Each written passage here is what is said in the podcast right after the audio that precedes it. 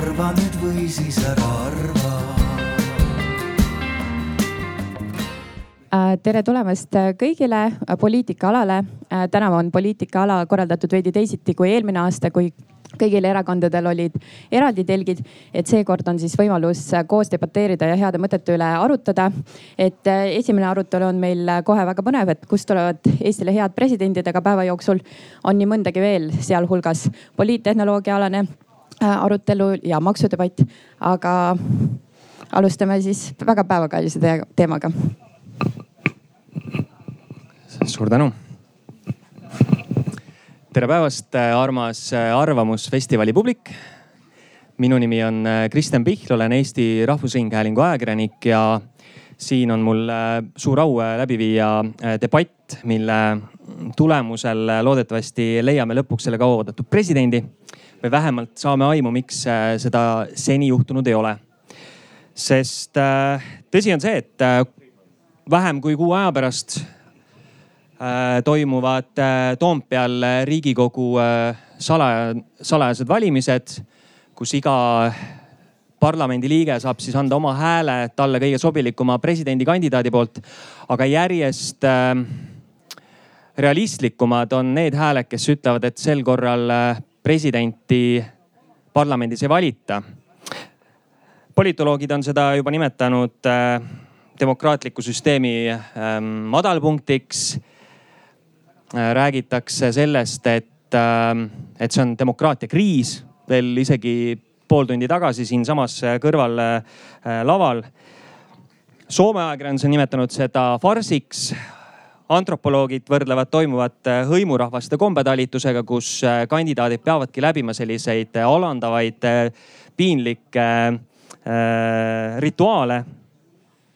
ja nii edasi, nii edasi ühesõnaga, üks on selge, eelmiste presidendivalimiste fopaa võib korduda, kui midagi nüüd kiiresti ette ei võeta.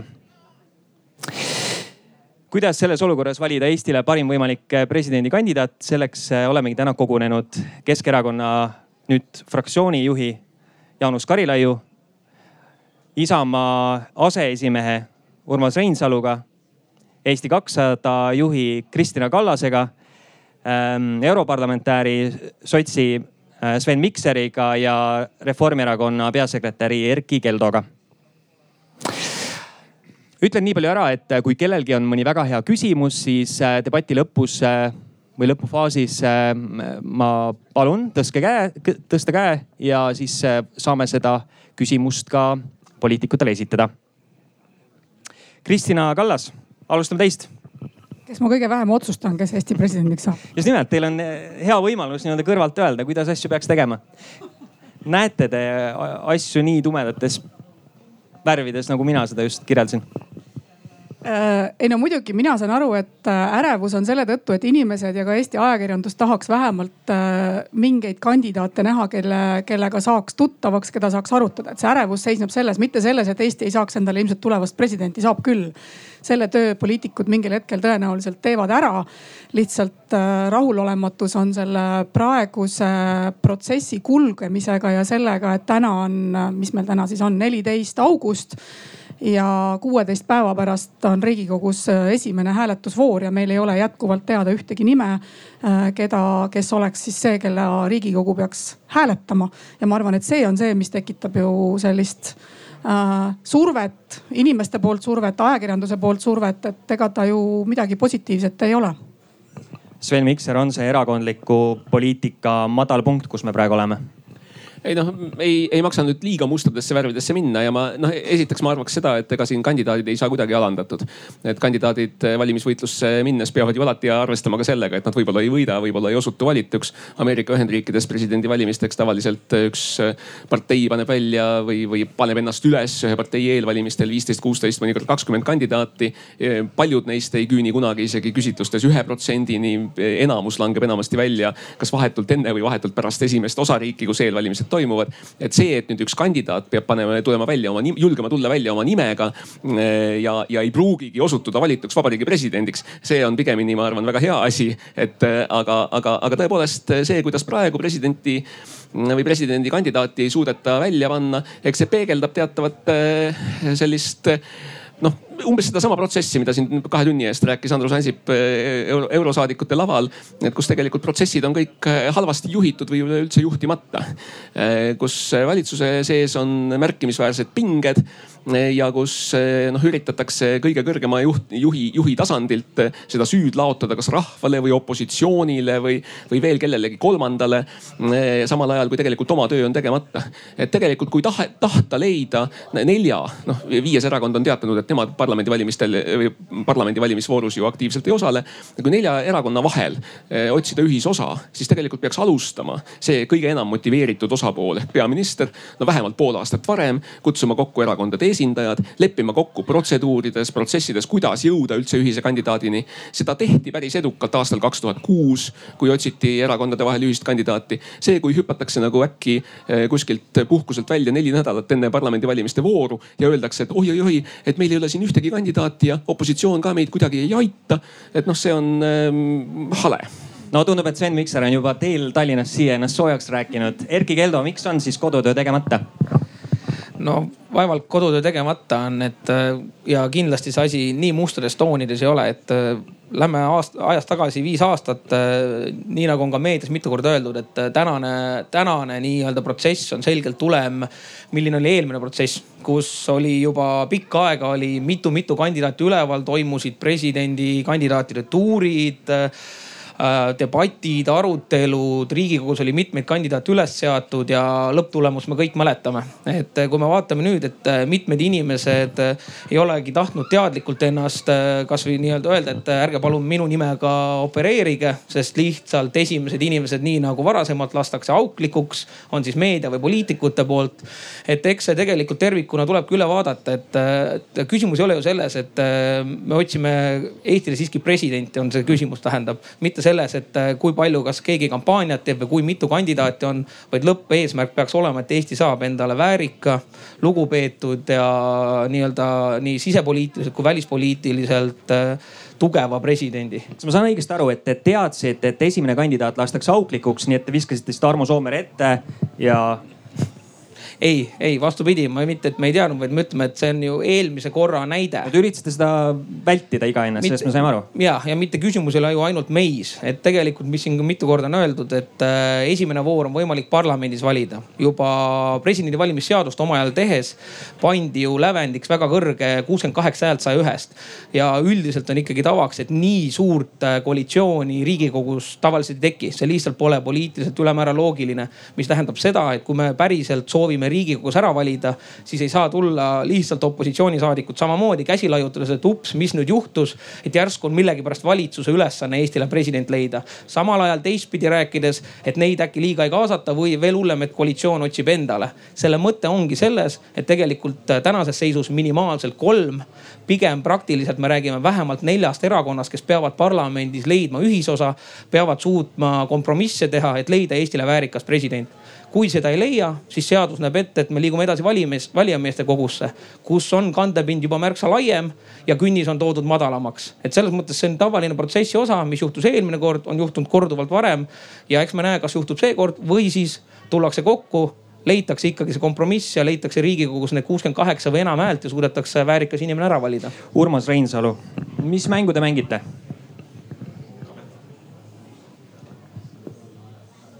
Ma arvan, et praegune pudru ja ma arvan, ma olen selgelt äh, kindlasti nende paadis, äh, kes ütlevad, et see on kohatu ja, ja põhiseadusega mõttele mitte vastav praegu niisugune nurgatagune sudimine.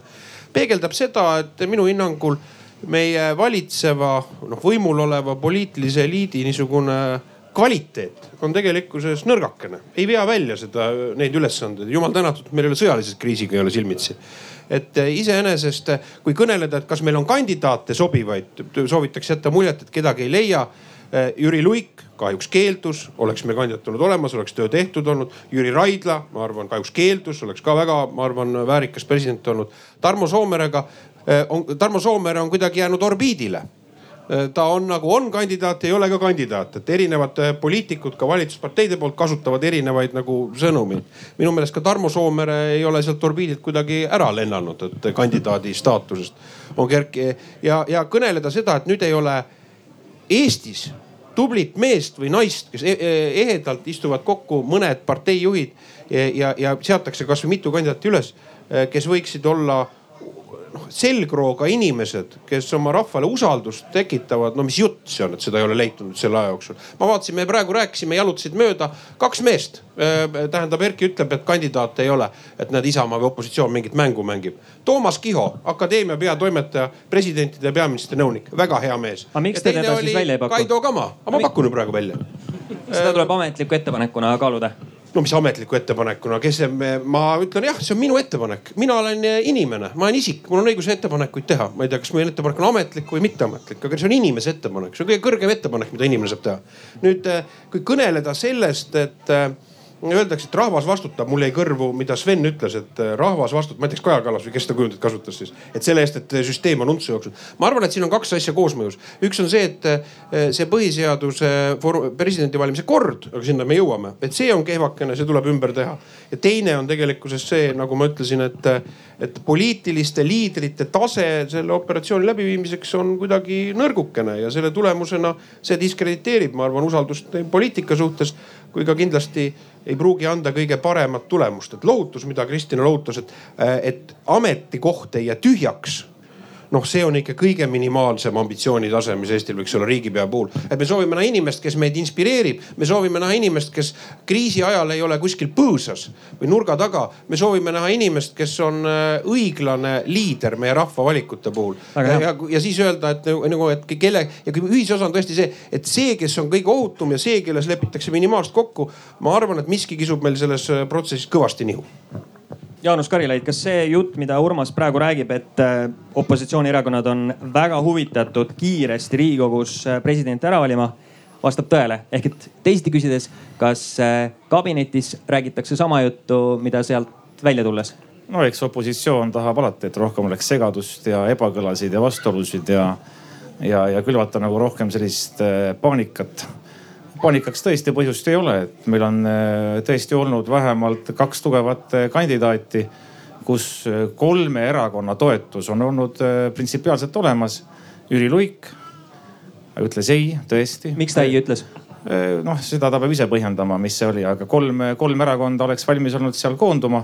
samuti Jüri Raidla tõi ka avalikult välja oma põhjendused, aga ühiskond on läinud ju eksamaks, oleme positiivsed, et inimesed ajavad käe püsti juba, tahavad ise tulla, ennast välja pakkuda. ettevõtja, muusik Indrek Laul pakkus ennast välja, kaheteistleheküljeline visioonidokument olemas tekitas päris positiivse resonantsi ühiskonnas on ju. Kaimar Karu ajas käe püsti, ütles tema tahaks president olla ja, ja, ja EKRE on käinud Enn Põlluaasa ja me saame juba võrrelda visioone, et. ja mingi paanika, mida nüüd siin sotsid ja Eesti kakssada üksteise võidu nüüd kütavad, et on muidugi väga silmakirjalik. esiteks, mida Sven räägib et ta tahab joonlauaga kõik paika panna, et mis kellaajal keegi ärkab ja siis kellelegi helistab ja niisugune väga, väga, väga robotlikult, et isegi näe, koer hakkas haukuma selle, selle mõtte peale. minu koer haugub sinu jutu peale. Sven, mis see tegelik eesmärk siis oli? aga ma tahan väita seda, et, et selles mõttes noh, on ka vastuolu, et viimane kord tuli ju president kapi tagant. et ja, ja täna on Eesti kakssada ja sotsid väga rahul sellega. nii et ma arvan, et ja, ja kui, kui kukub läbi kolmkümmend august, kolmkümmend üks august, siis me astume ju sammu lähemale rahvale. miks seda karta? miks ajakirjanikud seda kardavad? ega valimiskogu on ju tegelikult äh, rahvale lähemal. aga ma pakun välja, lähme veel kaks sammu kaugemale. Keskerakond on üheksa korda parlamendis välja pakkunud presidendi otsevalimised. ja, ja meil on ainult üks liitlane olemas ja ma tean, viimasel ajal tegelikult on tulnud paar Reformierakondlast rääkima, et teeme ära, et see protseduur on kõige ausam rahva suhtes.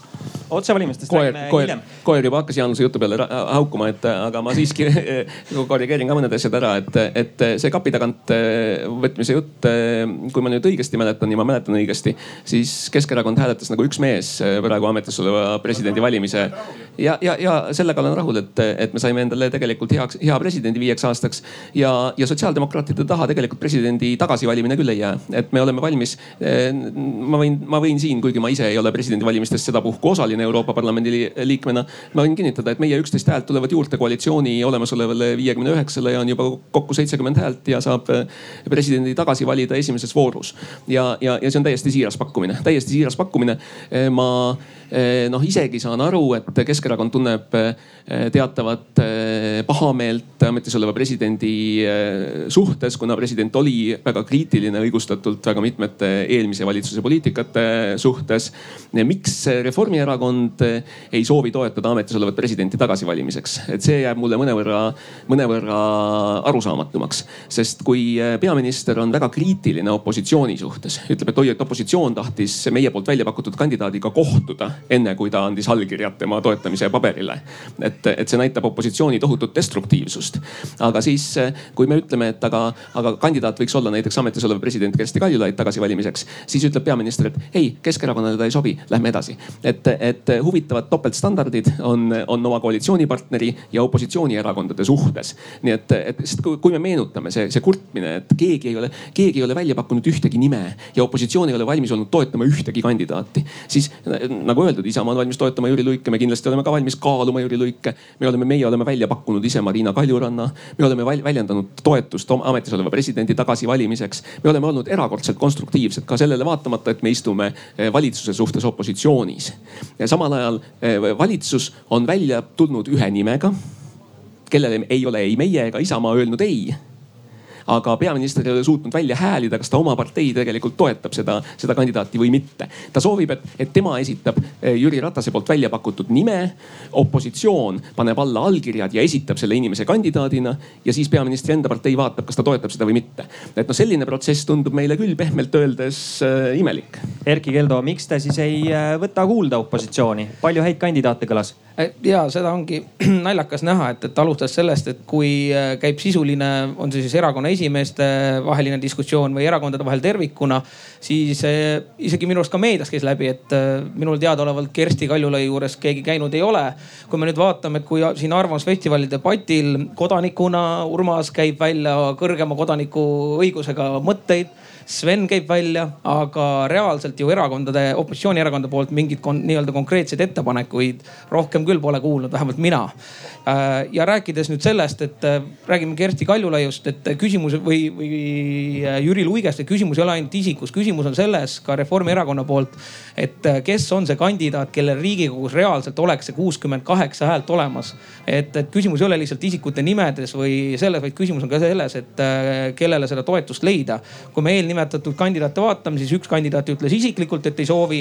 teisel kandidaadile me ju teame poliitreaalsuses Riigikogus ei ole seda kuutekümmet kaheksat toetushäält tulemas mm. -hmm. et selles mõttes selliste nimedega opereerida opositsiooni poolt on ju iseenesest väga tore ja öelda, et kedagi ei kuulata. aga kui need reaalselt on, nimed on läbi kaalutud või küsitletud, küsitud, siis on see nii-öelda kriitika tundub väga-väga imelik. aga Kaja Kallas ütleb ka, et äh, et see on nagu peaga vastu seina jooksmine, et ükskõik mis nime ei paku, opositsioonile see ei sobi. Öelge need nimed siis välja, kes need on, keda on opositsioonil pakutud? Jaanus juba ütles ju vähemalt neli, neli-viis nime, kes ma arvan, väga-väga kõik on põhi, põhimõtteliselt äh, väärikad kandidaadid. ja nemad ei sobinud opositsioonile? ei, küsimus selles, et mitte opositsioonile sobinud, osad inimesed ei soovinud ise. aga kuidas te pakute inimesi, kes ei soovi presidendiks saada?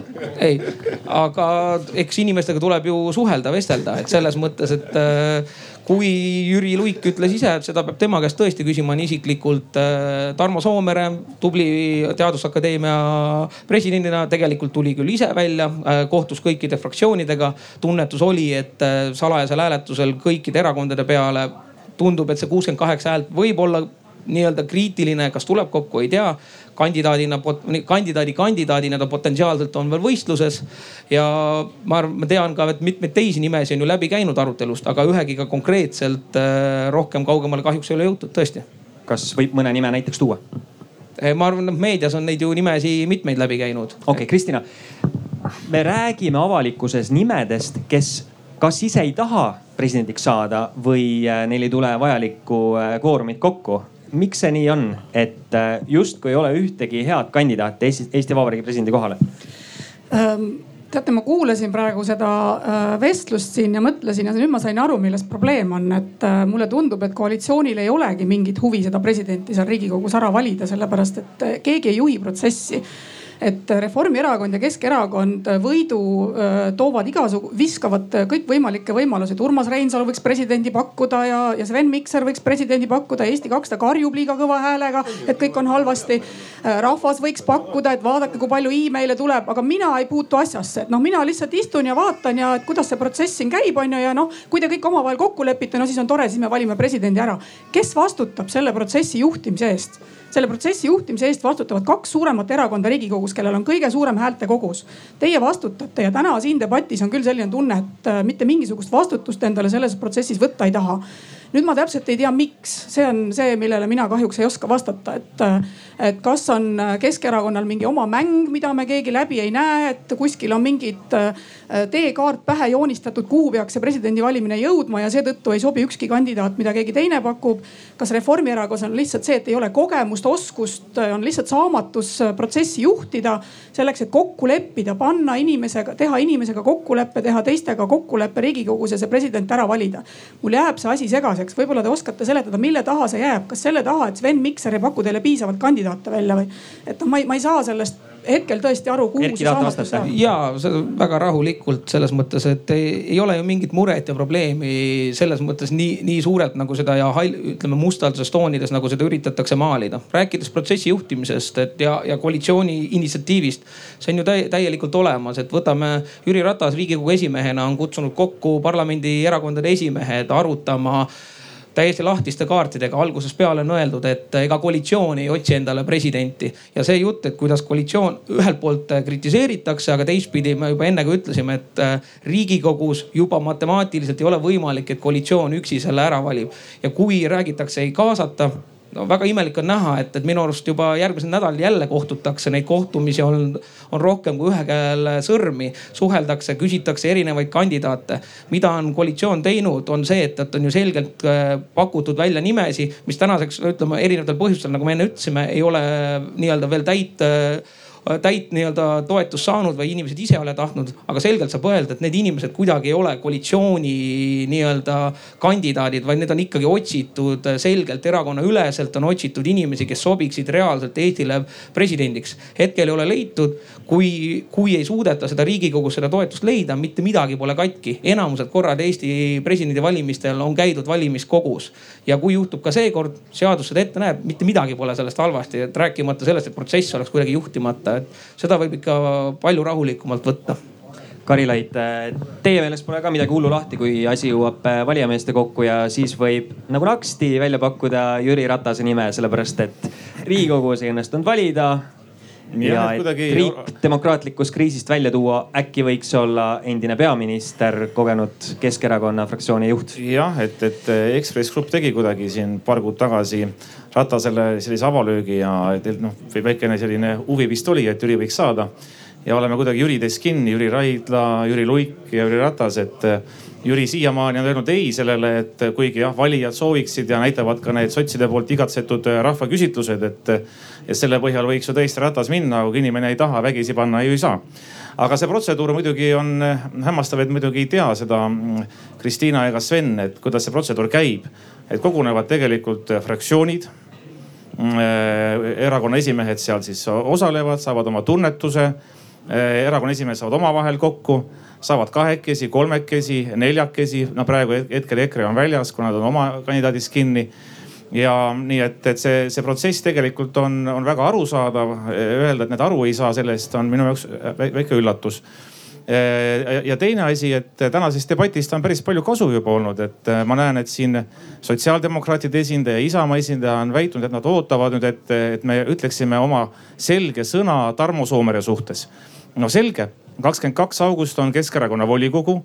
me võtame täna sotside ja Isamaa seda äh, sellist poliitilist müksu väga tõsiselt ja, ja teeme valiku ära ja, ja kakskümmend kaks august lõunaks on juba teada ametlikult siis meie kandidaat ja võib-olla tõesti on olemas juba sotside Isamaa toetus sellele ja võib-olla on ka Reformierakond piisavalt palju küpsenud selleks hetkeks ja ütlevad ka oma sõna ära ja juba neli erakonda on olemas sellele. Teie erakonna fraktsioonis on äh, kõik hääled olemas äh, Soomere taga mm,? ma oleksin liiga ülbe, kui ma nii ette ruttaksin, et me, me ta saame. Ta, me... ta lubab ainult teiste hääli nii nagu koalitsioon seni on teinud. ei, mina tõlgendasin praegu Sveni, Sveni ütleme väljaütlemisi, et ta andis nagu lootust. me arutame tema väljaütlemisi ja, ja võib-olla tekib suur tõenäosus, et tõesti nelja erakonna toetus juba on olemas olemas eh, siis eh, akadeemia presidendile mm ma tahaksin lihtsalt lisada, et Jaanus ja Erki, et äh, ei ole vaja loetleda, kui palju te koosolekuid teete ja mitu inimest teil koosolekul osalevad, see ei ole nagu protsess. protsess on see, kus peaks olema mingi tulemus tulema, et äh, ma, ma saan aru, et te tahate rääkida sellest, kui palju te pingutate ja ma usun võib-olla, et te pingutate, aga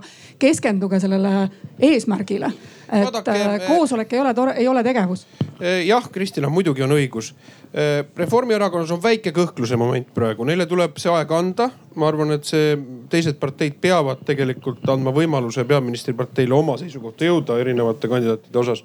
ja ma olen siin nõus ka Urmas Paeti, niisugune elu näinud mehe mõttekäiguga. et võib-olla me ka liiga kiirelt oleme öelnud ka või parteid on kuidagi nagu kramplikud, et äkki kellegi teise poliitilise taustaga mees või naine saab selle koha. et me nagu endised a la välisministrid või käigult välistame suure hulga inimesi, ütleme, et nad ei sobi a priorselt, eh, eh, kuna neil on mingisugune tunnus küljes et ähm, miks Urmas Paet ise, ma ütlen, Reformierakond ei võiks kaaluda tegelikult ja ma arvan, et ta oleks väga tõsine ja väga suure, suure laia, laia, laia niisuguse kaaluga, erikaaluga kandidaat. Et meil on tähtis on see, et üks asi noh kohtuda seal, kohtuda jumala pärast kohtuda, aga kohtumistel mulle tundub, on vale metoodika tekkinud. milline see metoodika on? kui sa võtad ühe inimese ja hakkad ütlema, et kas sa oled tema poolt või vastu, siis seda on väga keeruline teha, kui sa, sa, pead teda ju võrdlema. Rene Descartesilikult sul peab olema võrdlusalus, kellega võrdled, eks ole, sa ei saa öelda, et, et nii-öelda autonoomselt see inimene kas on või ei ole.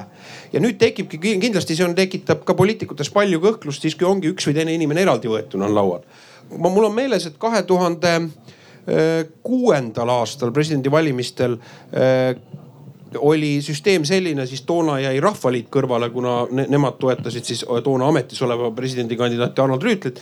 oli nõnda, et parteid pidid reastama oma meeliskandidaate, tekkisid ka kombinatsioonid, mõnel part-, mitmel parteil olid oma eelistused. ja siis oli nõnda, et kõik parteid käisid välja kolm kandidaati ja siis hakati, siis tekkis mingi ühisosa punktid ja hakati sealt näiteks maha võtma, et otsida ka nii-öelda eh, seda ühisosa suuremat vormi. ma arvan, et siin tuleb mõelda ka noh, veidikene loovamalt selle protsessi osas, ma olen siin Sven Mikseriga nõus, et, et kui sa ehitad üles protsessi vildakalt, kas tahtmatult või tahtlikult, siis tegelikkuses ta ei pruugigi anda seda tulemust ettekujutuses, et me oleme küll paar kandidaati saanud, kellele tõenäoliselt kuuskümmend kaheksa häält salajases hääletuses oleks tekkinud tõepoolest, aga need kandidaadid ei ole ise nõus olnud. Et on täiesti võimalik, et see üks või kaks kandidaati tekib veel või ma ei välista ka seda, et mõni olemasolev kandidaat või seni läbi käinud kandidaat ka pärast kaalumist langetab teistsuguse otsuse. ka seda ma, ma ei välista. öelda, et, et kui, kui need inimesed, kes, kes ise soovivad saada Eesti Vabariigi presidendiks, on välja tulnud oma programmiliste seisukohtade, oma manifestidega. et kui nad, et, et kui nad seavad kandideerimise eelduseks selle, et neil on kuuskümmend kaheksa allkirja all, no siis on väga raske üleüldse selles, selles protsessis tulemuseni jõuda, ma olen nõus. kui neil on kakskümmend üks allkirja, siis nad peaksid igal juhul kandideerima. et mina soovitaksin, et kui tõepoolest Jaanus Karilaid korjab kakskümmend üks allkirja allkirja Tarmo Soomere kandidatuurile, siis ta saab ta kandidaadi üles seada. ja siis on juba tegelikult üks valikukoht meie, meie, meie ees olemas. et me saame, me saame, me saame valida ja võib-olla valime ära, võib-olla ei vali, võib-olla saab teises, teises äh, riigikogu voorus äh, kahe enim hääl saanud kandidaadi hulka, läheb äh, juba tema nimi ka ballot'ile siis valimiskogus ja me saame tegelikult noh näha, kas inimene tõepoolest naudib seda toetust, mis presidendiks saamiseks on, on vajalik. et ma, ma julgustaks tegelikult kõiki neid inimesi, kes ise tahavad presidendiks saada, ikkagi kandideerima ka juhul, kui võit ei ole ette garanteeritud aga eh, Urmasega ma olen selles osas nõus jah, et mulle natukene meenutab see, see ühe kandidaadiga eh, kaupa otsimine. Eh, kuskil üheksakümnendate aastate alguses, kui Eesti esimest korda osales Eurovisiooni lauluvõistlusel, ma ei tea, kas te mäletate. Jaanika Sillamaa esitas eelvoorus kuus laulu ja siis žürii sai valida, millisega neist lauludest ta läheb Eestit esindama Eurovisioonile et see, see ei ole päris see, kuidas me tänapäeval vali, tahame, tahame valida tegelikult enda esindajaid. ja ma arvan, et presidenti ka, et me, me ei saa ju, et, et vaatame eemalt, et kas see mees jookseb kiiresti või aeglaselt või see naine. ja siis otsustame, kas saata ta olümpiamängudele Eestit esindama. me peame ikka nägema, kuidas ta jookseb võrreldes teiste jooksjatega. Erki, väga hea ettepanek ju, lähme tagasi joonestuslaua äärde ja, ja igalühel on hääl ja väiksed erakonnad tunnevad ka, et nad on kaasatud. miks te ei tee nii? No esiteks selle joonestuslaua taga, nii nagu Jaanus ka väga ilusti ütles, on korduvalt käidud, on fraktsioonide tasemel, on erakonna juhtide tasemel. aga, aga tulle, tulles tagasi võib-olla mõned asjad ära klaarida. ei, fraktsioonide tasemel vist ei ole ja erakonna juhtide tasemel ma pean tunnistama, niisugust metoodikat, nagu me kirjeldasime, ei ole aset leidnud vist. ühesõnaga ja ma ühesõnaga kõigepealt klaariks mõned äh, nii-öelda varasemad asjad ära. korra et... tahaks vasta, äh, vastust, et, et te olete lugenud Mikseri siin ettepanekut Facebookis ja, ja varasemaid väljaütlemisi ka, mida Urmas ütles ka, et tegelikult, et igaüks saab äh, esitada kandidaadi ja siis võrdsetel alustel neid omavahel võrreldes, võib-olla punkte andes mingi kandidaat kukub välja, et on reaalselt võrreldakse mitut erinevat kandidaati, et miks nii ei tehta? ei no aruteludes on ju korraga käinud mitu erinevat kandidaati läbi, et, et loogiline, et kõiki kandidaate, esiteks kui need inimesed veel võib-olla ise ju pole ei, nagu kindlat ei või jahhi öelnud, aga poliitikute mõte on ju see, et, et vaadata ja ühiskonnas avatud silmadega ringi. meil on väga palju väärikaid inimesi, kui me tuleme kohe ilma inimestega ise konsulteerimata avalikkus neid mõõtma. see on üks telefonikõne. mõõt, mõõtma joonistama, no kindlasti ei ole, et, et me ju näeme nii varasemast äh, kahest Jürist, et see ikkagi võtab inim-, noh, see, see ei ole nii, et ma nüüd vaatan, et mis hommikusööki ma söön, kas muna või putru. see on ikka väga tõsine kaalumise koht ka inimesele endale, et kas ta on valmis seda vastutust, seda ülesannet, seda väga väärikat ametikohta võtma. et see, ma arvan, ei oleks ka nende inimeste suhtes aus, et me käime ilma nendega konsulteerimata lihtsalt mingeid nimesi välja, sest see paneb ka nemad väga suure surve alla. aga ma tuleks tagasi paar asja, mis siin jäid kindlasti, et noh, esiteks äh, Uno Spaet, muidugi väga tubli kandidaat, väga-väga suure välispoliitilise kogemusega, rahvusvahelise taustaga, et äh, kõik on super, sobib väga hästi. aga me lihtsalt ju teame, et poliitiline loogika on see, et äh, samast erakonnast, kus on istuv peaminister, ikkagi üldiselt äh, presidenti ei valita ja Reformierakond on algusest peale võtnud selle, selle koha, kus on olemas see, et me otsime tegelikult ühisosa. ja kui ma tulen selle juurde, et nii Jaan, vabandust, kui Sven kui Urmas on öelnud, et poliitiline juhtimine on nõrgake või kuidas see täpne sõnastus oli, et ma, kas ma siis loen välja siit, et on, on umbusaldusavaldus Helirile ja Indrekule, kes on ilusti kogu aeg laua taha kaasa võetud. et ma saan aru, et ei olda võib-olla erakonna juhtidega omaga rahul, et võib-olla peavad siis fraktsioonid või juhatused rohkem kogunema, et seda infot ja omavahelist suhtlust äh, ka opositsioon natuke parandama. sest äh, koalitsioonis, äh, nii nagu Jaanus ütles ja ka meil fraktsioonid kogunevad, inimestega arutatakse, mõtteid vahetatakse on minu arust väga positiivne. Sven, aga äkki ongi põhjus hoopis selles, miks me selles olukorras oleme, et süüdi ei ole Jüri Ratas ega Kaja Kallas, vaid äh, hoopis äh, teie erakond või, või Urmase erakond, et, et. no tere talv et tahate siin odavat. anna kõigepealt vastulöök, siis ma jätkan jah, äh, riigikogus on ühel erakonnal on blokeeriv vähemus. et kui kolmkümmend neli reformierakondlast äh, on vastu, siis riigikogu ei vali ära mitte kedagi. sest künnis on kuuskümmend kaheksa, lahutame kolmkümmend neli saja ühest ja saame kuuskümmend seitse. nii et Reformierakonnast peab kandidaadile olema igal juhul toetus, et ta üleüldse teoreetiliselt saaks valitud. ja, ja noh, me oleme siin rääkinud väga palju ilusates terminites sellest, kes on hea kandidaat, kes võiks sobida. ja ma arvan, et peaaegu kõik need nimed, mis on kõlanud, ju tegelikult suudaksid selle ametiga välja kanda, mõni paremini, mõni, mõni, mõni halvemini, mõnel on vähem kogemust välispoliitikas, teisel vähem kogemust sisepoliitikas. aga noh, see, mis ju tegelikult kummitab kogu seda valimiste protsessi, on istuva peaministri mure, et see valimine võib, võib, võib, võib tuua esile mingisugused lõhed koalitsioonis. Et peaminister kindlasti tunneb väga suurt hirmu eh, selle ees, et olgu siis riigikogus või ka valimiskogus võiks poliitiline maastik hääletada nii, et ühele poole jääb eelmine koalitsioon, Jüri Ratase juhitud koalitsioon Isamaa ja äh, EKRE-ga. ja teisele poole jääb siis peaministripartei ja osa tänasest opositsioonist. see on asi, mida peaminister iga hinna eest soovib vältida. ma saan sellest loogikast aru, miks ta soovib seda vältida. aga kui see on tema mure, siis äh, alustab ta selle protsessi juhtimist lootusetult hilja ja valesti opositsiooni kaasamata. opositsioon on tegelikult valmis, me oleme, me oleme deklareerinud sotsiaaldemokraatidena ja Indrek Saar saatis tegelikult kirja erakonna juhtidele, ka, ka peaministrile juba enam kui kuu aega tagasi, kui me juba vaatasime, et me oleme lootusetult hiljaks jäänud selle protsessi käivitamisega. pakkudes välja just sellesama meetodi, mida kasutati kaks tuhat kuus, millele viitas ka Urmas. et eh, lepime kokku, kuidas kõik saavad võrdsetel alustel algusest peale osaleda ühise kandidaadi otsimises, mis kõigile sobib. ja, ja see, et me tegelikult, et sotsiaaldemokraadid on täna valmis toetama eh, inimest, kes on istuv vabariigi president, eh, on täiesti kõlblik seaduse järgi tagasivalimiseks. tuleb hoopis Isamaa erakonnast oma ta poliitilise tausta poolest. et see näitab väga suurt konstruktiivsust. me oleme seda valmis toetama ka koos tänase istuva koalitsiooniga.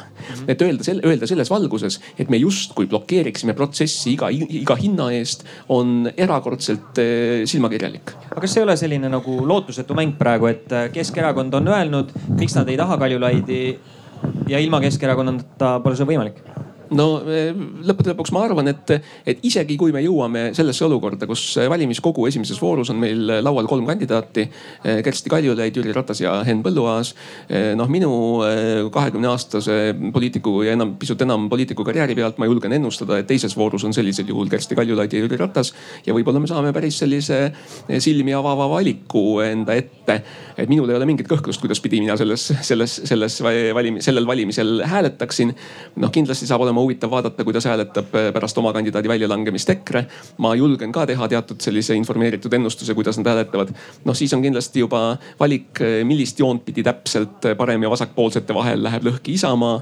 Eh, ja, ja, ja, ja kuidas hääletavad need valijakogu liikmed, kes ei ole mingi poliitilise taustaga. Õnneks on ka märkimisväärne osa vali, valimiskogus tõenäoliselt neid inimesi, kes ei, kes ei kuulu või ei esinda tänaseid parlamendiparteisid tähendab, kui nüüd äh, kõlasid nii tõsised süüdistused, tähendab nii tõsised süüdistused, äh, küsimused, heatahtlikud küsimused ja tõsised süüdistused. nüüd äh, loomulikult Isamaa panustab täiel rindel sellesse protsessi, aga ma ütlen, et ega me ei ole valmis ka ükskõik kelle poolt oma häält andma, et siin peab olema ikkagi ka selge, et, et lihtsalt inimene ära valida et äh, keegi seal ju peab olema. ei, niisuguse käsitlusega me ka kaasa ei lähe.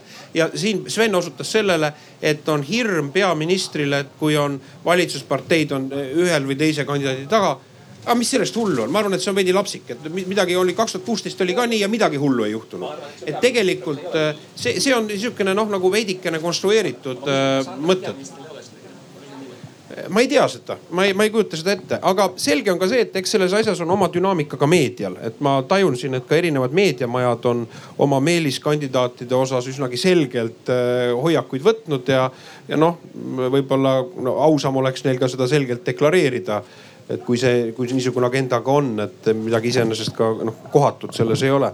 mis on oluline, on see, et me selles protsessis äh, praegu, kus me oleme, saaksime ka aru, vaataksime seda ka laiemalt. et praegu käib nagu ühe inimese otsimine ja see on nagu alternatiivitult võta või jäta see üks inimene. aga tegelikkuses valimised peaks ju olema ideede võistlus nende kandidaatide vahel, kes siiralt ise tahavad presidendiks saada, selles ei ole midagi häbiväärset. meil on kuidagi kontekst see, et on kuidagi midagi väga räpast on selles, et kui keegi kas pakutakse, luhtunud saab kandidaadiks või ammugi veel äh,, ammugi veel ise välja pakub, et, et meil selles mõttes on selle eh, nii poliitilise noh loogika mõttes kui ka selle kahtlemata siin on oma ka mehhanism sisse kodeeritud selles põhiseaduse äh, reeglites. on ta viib nagu välja nagu noh kandidaatide ja võistluseta äh, äh, noh, nii-öelda ametisse määramiseni. see, mida veidikene osundati ju ka Kersti Kaljulaiu ametisse saamisel nii-öelda avarii käiguna siis, kui, kui valimiskogus oli juhtunud. ja ma arvan, et me tõsiselt peaksime mõtlema, et see tegelikult ei ole okei okay, poliiti-, poliitikas, kuhu me jõuame. Erki, selles mõttes on ju Urmasel õigus, et tegelikult avalikkuses jääb ka mulje, et äh, ei räägita sellest, milline on ühe kandidaadi, ühe või teise kandidaadi visioonid, ideed äh, kas ta oleks Eestile parim võimalik president, vaid räägitakse lihtsalt nimedest, kellest oleks võimalik teha kuidagi ta-ta-ta hääled. Miks, palju te räägite seal kabinetis sellest, et missugused ta vaated ja ideed on? no nii ikka päris ei ole, et, et aga tulles tagasi Urmase sellele kirjeldusele, kuidas äh, presidendi kampaania või presidendivalimine peaks käima, siis see oli ju suhteliselt täpne kirjeldus viis aastat tagusele toimunule, kus oli viis, kuus enam kandidaati, toimus ideede tutvustamine, toimus arutelud, debatid ja tulemust me mäletame kõik, seda juba mitu korda on siin öeldud, et tulles lihtsalt, et. kus see viga oli teil? kas see viga ei olnud seal, et tegelikult enim hääli saanud inimest ei valitud valimiskogus ära näiteks, kui ma küsin nõnda? ja selles mõttes, et äh, eelmine kord pärast seda kogu nii-öelda pikka protsessi rääkisid väga mitmed ju poliitilised parteid, jõud, et äh, ja eriti nii-öelda ka eelmise valitsuse oli, oli küsimus, et äh, kas seda mitte seda protsessi ja seadust ei peaks üle vaatama. ma arvan, et täna tervikuna, et seda asja saaks paremaks teha, vaadata, et see protsess oleks loogilisem. ma olen aru saanud, et äh, praktiliselt kõik poliitilised jõud täna on mõist-, on mõistnud ja ütlenud, et seda võiks vaadata, kuidas seda tulevikus paremaks teha. aga tulles tagasi, ma kaks asja täpsustan ära, et, et Sven on ka, see on väga hea näide rääkimisest, kuidas me väga palju teeme, aga keegi meil ei kuula, et, et äh, on see Indrek Saare kiri ehk ühesõnaga või rääkimine tänasest äh, presidendist ja samal ajal, et Reformierakond ei ole valmis nii-öelda kompromisse muud tegema. kui me vaatame lihtsalt reaalset olukorda, mida on mitu korda öelnud, kui tänases äh, parlamendis on äh, viis erakonda, kellest kolm on kas sisuliselt või ka läbi meedia avalikult juba öelnud, et neil erinevatel põhjustel tänasele presidendile toetushääli ei ole. siis kui kutsutakse üles, et Reformierakond peaks protsessi ka mõistlikult juhtima, siis meie juhtimise loogika ongi see, et me otsime inimest, kellel reaalselt võiks olla ka toetust et meil ei ole mõtet ju kalkuleerida nimedega, millel tegelikult Riigikogus kuuekümne kaheksa hääle toetust olemas ei ole. kiirelt Sven ja, ja siis Jaanus. ja väga kiirelt, et kui, kui protsessi juhitakse niimoodi, öeldakse, et, et te saate aru, et poliitiline reaalsus on see, et seda kandidaati Keskerakond ei toeta. poliitiline reaalsus on see, et seda kandidaati ei toeta Reformierakond. E, aga, ja, ja, ja, ja siis hakatakse justkui nii-öelda nuhtlema opositsioonierakondi, et nemad peaksid toetama iga kandidaati, kelle, kelle koalitsioon välja paskub. Nad ütlevad, et, et, et, et tooge oma kandidaat. aga, aga, aga me oleme tegelikult Urmasega mõlemad nimetanud ju neid kandidaate, keda meie oleme valmis toetama mm. -hmm. et kuidagi, kuidagi on see, et, et saate aru, et teie kandidaati meie ei toeta. Äh. järelikult peaksite teie toetama meie kandidaati äh,. see, see, see, see on, see on, see on lihtsalt, lihtsalt selline e-, ebaloogiline ja see tegelikult näitab seda reformierakondlikku soovimatust, mis avaldus ka viis aastat tagasi, mis oli ka viie aasta taguse protsessi üks probleeme. et soovimatust kohelda teisi erakondi võrdsena. ja see kõige suurem erakond tunneb kõige suuremat vastutust ja suur ainult saab olla suuremeelne. kui suur ei soovi olla suuremeelne, siis oodata nii-öelda sellist abikätt opositsiooni poolt on väga keeruline. ei vastupidi, hästi-hästi kiire repliik ja siis hästi-hästi okay. kiire, et igaks juhuks, et kõik aru, et äh, kolmest äh, erakonnast, kes on tänase presidendile öelnud, kas sisuliselt või avalikult, et nad ei ole valmis toetama, on kaks opositsioonist. et äh, selles mõttes rääkida, et me üritame ainult koalitsiooni nägemust või enda nägemust, vastupidi. see, mida just Sven ütles, meie ülesanne ongi vaadata ja olla võimalikult äh, avatud äh, kompromissidele. suuremeelne oli Sveni sõnastus, et leida seda, aga kui opositsioonis kolmest kaks parteid ütlevad, nemad ei ole valmis tänast presidenti toetama, millest me siis räägime ja jälle on koalitsioon süüdi. tundub natukene naljakas tegelikult juba. ja publik, sellepärast nüüd te näete, miks ei ole meil praegu presidendikandidaati jah, et, et ma kuulan, ütleme Sveni ja, ja Urmase seda hästi pikka juttu ja pikka seda õiglemist ja kirjeldamist, et tegelikult on see nagu ka arusaamatu, et, et see protseduur ei ole ju uus.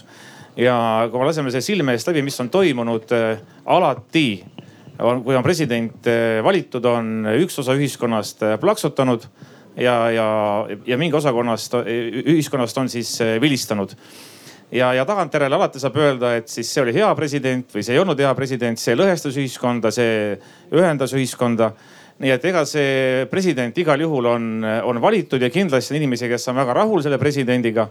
et protseduure võib teha täna sinna vähemalt kümme või viisteist. võime ka kokkuleppe teha, et kõik fraktsiooni koosolekud näiteks on eh, otse ülekantavad ja, ja siis on näha, et neid nimesid ühiskonnas tegelikult on vähemalt kolmkümmend täna juba olemas kõigi viie erakonna peale kokku, kes oleks valmis seda rolli kandma nii et äh, mina vaatan küll täna seda protsessi äh, palju positiivsemalt kui, kui Sven Mikser, et ei, mina vaatan väga positiivselt. me, et me igal juhul, me igal juhul leiame selle presidendi, et ja, ja, ja loomulikult Keskerakond ise on olnud selle protseduuri üks suurimaid kriitikuid ja, ja pakkunud ka välja siia lahenduse.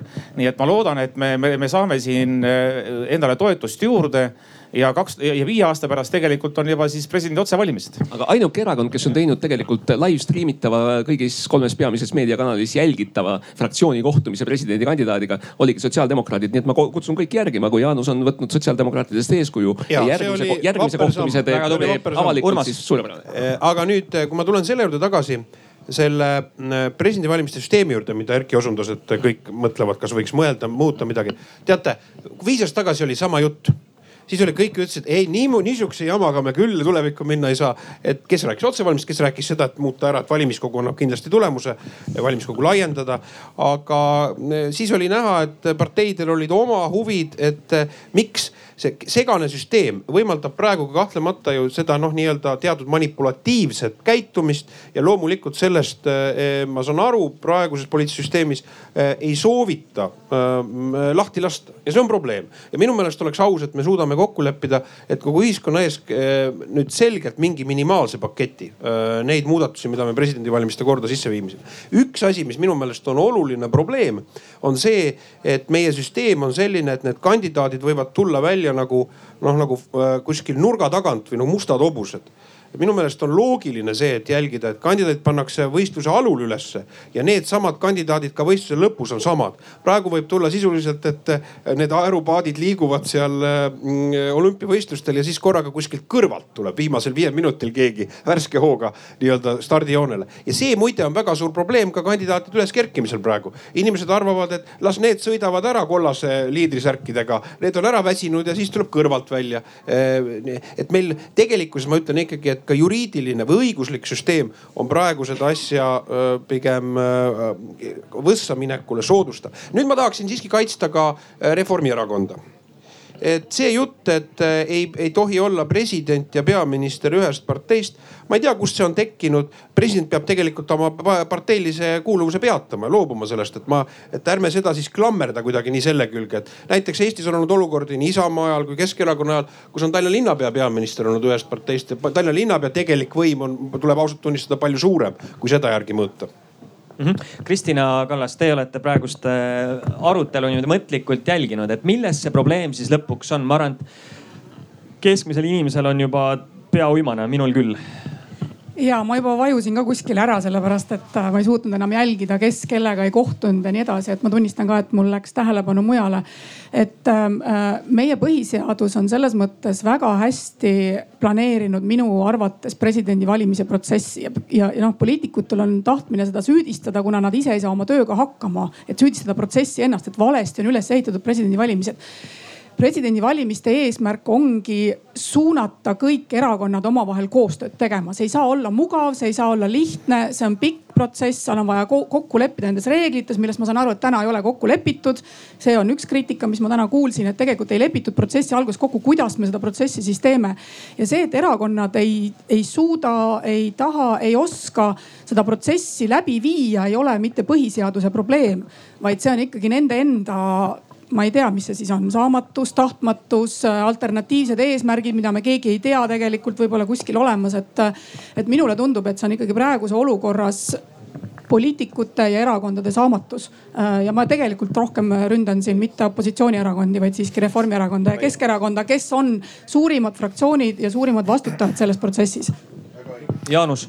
jah, et ma, ma täiendaksin siin Urmas Reinsalu, kes siin pakkus uljalt välja Urmas Paeti, et on välisminister ja ta otsib ikkagi väärikat presidenti, et lähme samm, samm edasi, et väliskomisjoni esimees on Enn Eesmaa samuti oma, oma töö ja tegemistega tõestanud, et on tasakaalustatud inimene ja saaks kindlasti väga hästi äh, hästi hakkama ja vaatan, et see. või hoopis Marina Kaljurand näiteks. Riho Terras. ja ütleme ja ütleme Sven, Sven, Sven Mikser räägib juba väga järjekindlalt Jüri Ratasest, kuigi Ratas on viis korda ei öelnud, aga kui noh, kui sotsid lähevad tema ukse taha ja ütlevad, et toetavad, võib-olla siis seitsmes. Ratas ütles, et viis ütleb, korda, et EKRE-ga valitsus ka ei tee. Mm, ütleme, et ehk ütleb ja võib-olla siis tõesti jah, et läheb, lähevad uuesti ja, ja kuna Sven pidevalt räägib, et, et võib-olla siis eh, sotside lobitöö peale ütleb ka Ratas ja lõpuks. ja ei, ei, ma arvan, et iseenesest valimiskogusse oleks aus, aus valik, sest ega see väga suur saladus ju ei ole, et Jüri Ratas sellest positsioonist on pikalt unistanud. aga sotsiaaldemokraatide hääli Jüri Ratas ei saa, et, et ma arvan, et Jaanus Karilaiul ei ole mõtet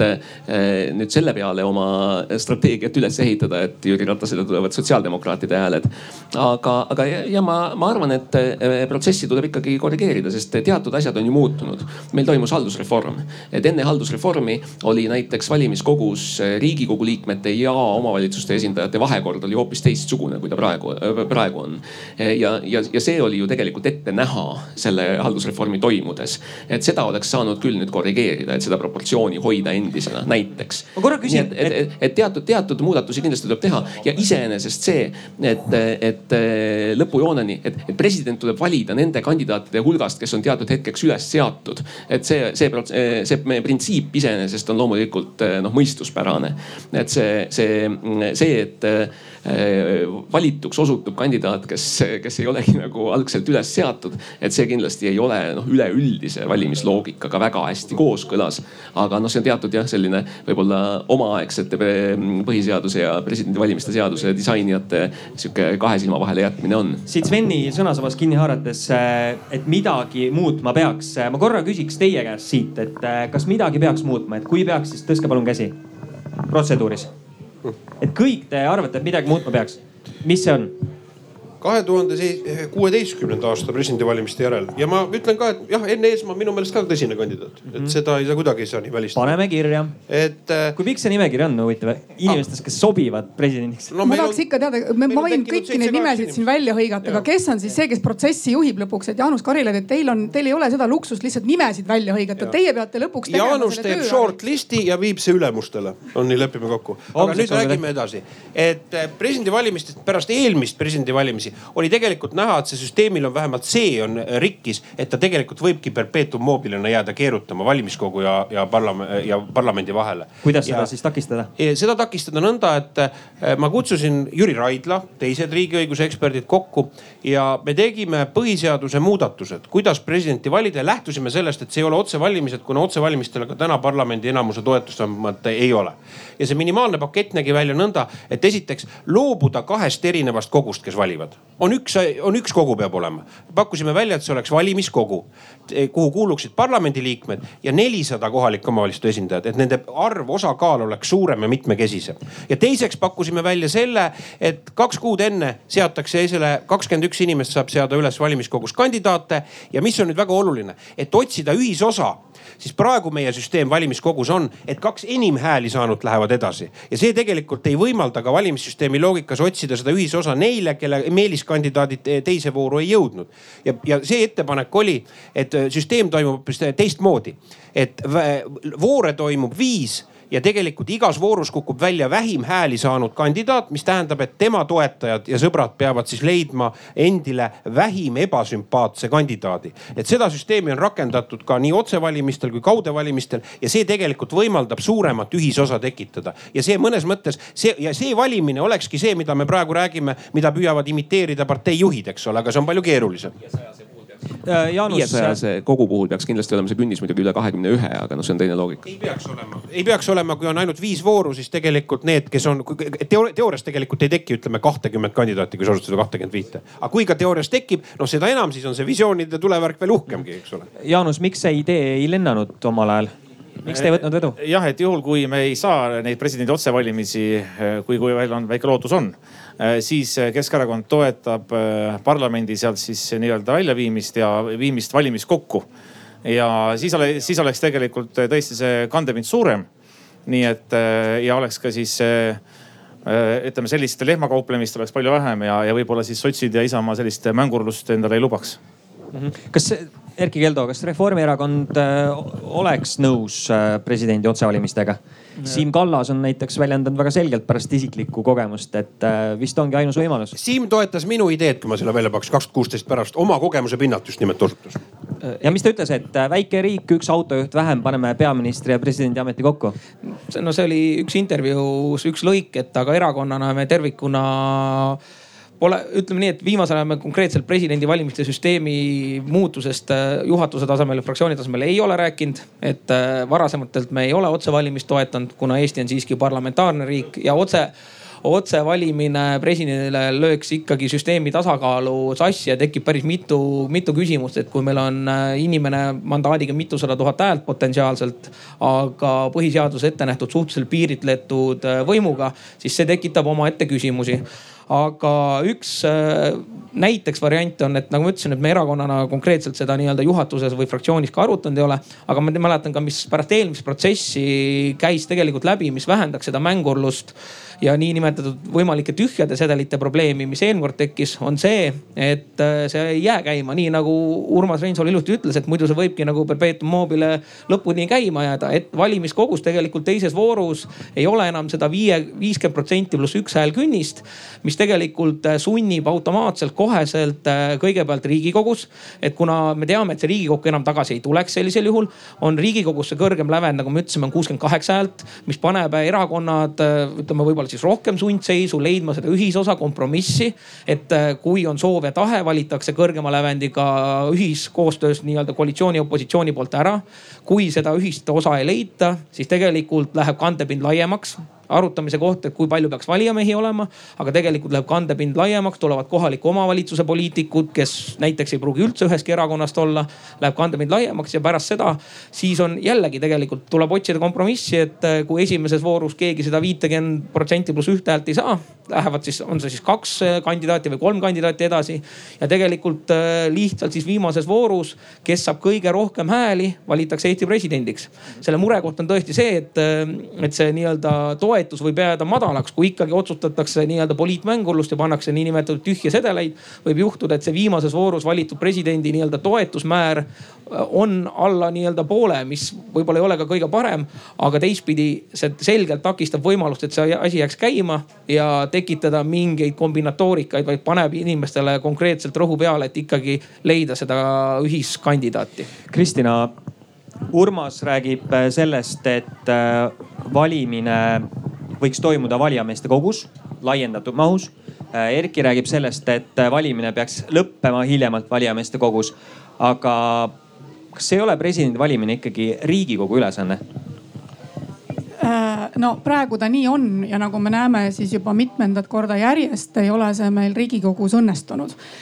me oleme ka Jüri Raidlaga tegelikult seda koostööd teinud ja arutanud, et mis tänases protsessis oleks siis see, mis vajaks võib-olla muutmist, et seda mängurlust vähemaks tõmmata just nimelt seda probleemi, millest siin on mitu korda öeldud, et need presidendivalimised ei jääks lihtsalt kestma. kas ainus lahendus ei ole see, et ja... poliitikutele öeldakse, et kui te ei suuda ära otsustada, siis otsige uus töö Äh, et riigikogu läheb laiali, kui ta presidenti ei suuda ära valida. seda ütlevad professorid ka. Äh, see noh, see paneks ka muidugi riigikogu liikmed selle koostöö tegemise surve alla tõesti. et äh, see, see töötaks sel juhul, et noh, suur hirm kaotada oma töökoht sunniks neid võib-olla koostööle. et aga meie oleme ka praegu läinud pigem noh, ju siis on Jüri Raidlal suurem mõju läinud arutele, aruteludega sinnakanti, et jätta ainult üks kogu ja, ja jätta see pigem eelistusena valijakogu, kuna see kandepind on laiem, seda mängurlust on seal vähem. Äh, ja, ja see eeldaks ka korraliku kampaania tegemist kandidaatidelt, kuna neid hääli tuleb selles mõttes ikkagi kampaanias äh, koguda. et äh, kipume minema toetama seda äh, valijakogu äh, varianti siin, siin nüüd üks väike faktiline möödalaskmine oli, et ei saa öelda, et mitu korda järjest ei ole suutnud Riigikogu ära valida, sest üle-eelmisel korral just nimelt oli see ainuke kord, kui Riigikogu valis presidendi ära.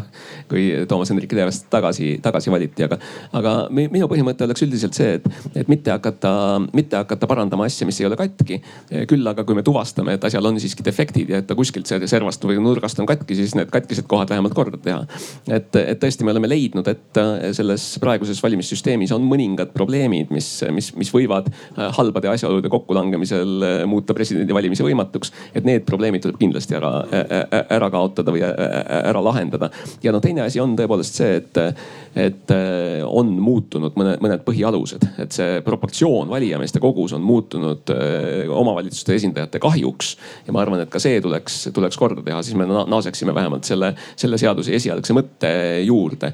ja, ja noh, loomulikult tuleks, tuleks panna see rajajoon, et, et kuidas siis siiski tagada see, et president, president valitakse äh, ära Uh, Urmas, siin Sven just ütles, et, et parem mitte muuta asju, mis juba noh toimivad, vaid väike peenhäälestus saaks ka hakkama, eks ju, et. ei, ma arvan, et probleem... see ei toimi, ma toon näite, et tegelikult äh, see on üle noatera on selle valimissüsteemi loogika vastuol, vastuoksa on meil õnnestunud valida. üheksakümne kuuendal aastal, kui võitis president Lennart Meri saja üheksakümne kuue häälega valimiskogus, oli valgeid sedeleid kuuskümmend. oli väga selge aktsioon samuti poliitikute poolt Lennart Meri läbi kukutada, selleks et parlamendis tõenäoliselt ta poleks enam esile kerkinud.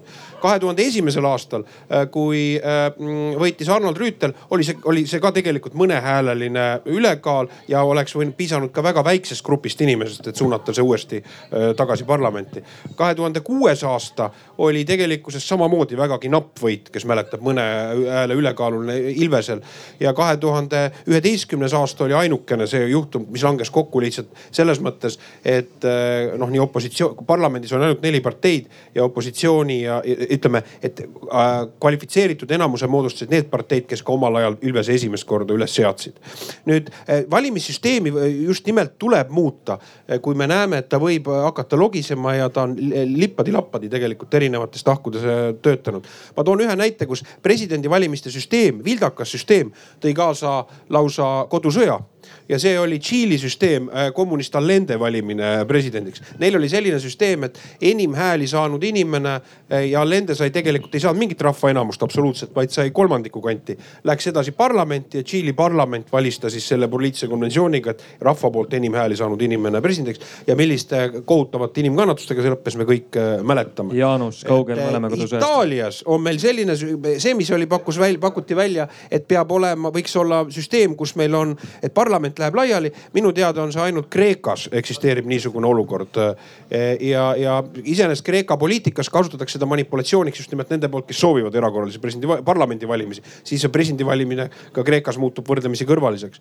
nii et minu meelest on äh, ikkagi, kui on, me näeme, et see ei tööta, siis me ei peaks pelgama ka muutust. me oleme siin juba ühe minimaalse, mulle tundub, konsensuse saanud, et, et tegelikult lõigata läbi perpetuum mobile. teine eelistus, ma saan aru ka Jaanus toetab seda, et viia valimiskokku teise eelistusena ka otsevalimine ja toetust. siin on meil juba ka mitme toetus. nii et ma arvan, et tähtis oleks, et poliitikud nüüd enne valimisi, presidendivalimisi ei räägi sellest, vaid meil õnnestuks mingisugune noh, konsensuslik ühisosa saavutada süsteemi muudatustes ehm, sest me oleme muidu järgmisel korral jälle samamoodi, kui on vahetult enne valimisi, poliitikud on väga umbusklikud süsteemi muuta, sest siis on neil kiusatus, et süsteemi vigasid saab ära kasutada enda huvides. Jaanus miks te unustate ära pärast presidendivalimisi? head ideed. kõigepealt paar äh, täpsustust, et äh, jah, et, äh, et meie toetame nii-öelda seda valimiskogu konserveerimist, et sinna viimist aga siin on üks väärarusaam jäänud selle presidendi otsevalimistega, et siin on ka sotside põhiväide kogu aeg, et rahvas ei ole küps selleks ja rahvas on rumal ja saab vale signaali ja. ja, ja ütleme, et ja, ja, ja ütleme selles mõttes et ma ei saa aru sellest hirmust või poliiti-, poliitilisest krambist, et eh, miks selle, sellele vastu ollakse, et soomlased saavad väga hästi hakkama, leedukad saavad väga hästi hakkama ja on näha, et viimased viisteist aastat on tegelikult kõik presidendid eh, sekkunud sisepoliitikasse, ilma et neil oleks poliitilist mandaati selleks. on kasutanud põhiseadusliku veto andmisel pigem poliitilist vetot Eh, sekkunud nii-öelda poliitilisse sellisesse mm, rähklusesse. nii et me nägime seda Toomas Hendrik Ilvese puhul, nägime seda Kersti Kaljulaiu puhul, et nad pigem on olnud sellised parteipoliitikud, aga ilma poliitilise mandaadita ja selle protseduurist eh, rääkimine nagu lõputult eh, noh, ei ole väga viljakas, sest jätkuvalt, et eh, eelmine kord me võtsime selle presidendi viimasel hetkel ja on näha, et see protseduur ei olnud adekvaatne. aga Eesti kakssada ja, ja sotsid on täna väga rahul. -hmm. meie ei ole rahul, mina andsin tegelikult oma hääle Kersti Kaljulaiu poolt eh, viis aastat tagasi ja olid selged ootused ja lootused, milline president on nii et pidin nägema, et need ootusi ei täitnud ja, ja sellepärast me oleme seekord ettevaatlikumad ja me teeme mitmeid filtreid ja need filtrid tegelikult on päris tugevad. olla fraktsioonide ees, mitte ainult kahe erakonna, vaid kolme erakonna kokkulepe ja, ja karta siin seda valijameeste kogu on ka minu jaoks täiesti arusaamatu. Jaanus, sellest otsevalimistest korra küsin, korra küsin Jaanuse käest, et et, et kui te toetate otsevalimisi Keskerakonnas, siis eh, kuidas te selle probleemi lahendate, et näiteks rahvas valib Kaljulaidi või Kaljuranna või kellegi kolmanda, et äh, tema kriitiline meelestatus Keskerakonna vastu kajastub siis kahesaja tuhande või kolmesaja tuhande inimese hääles.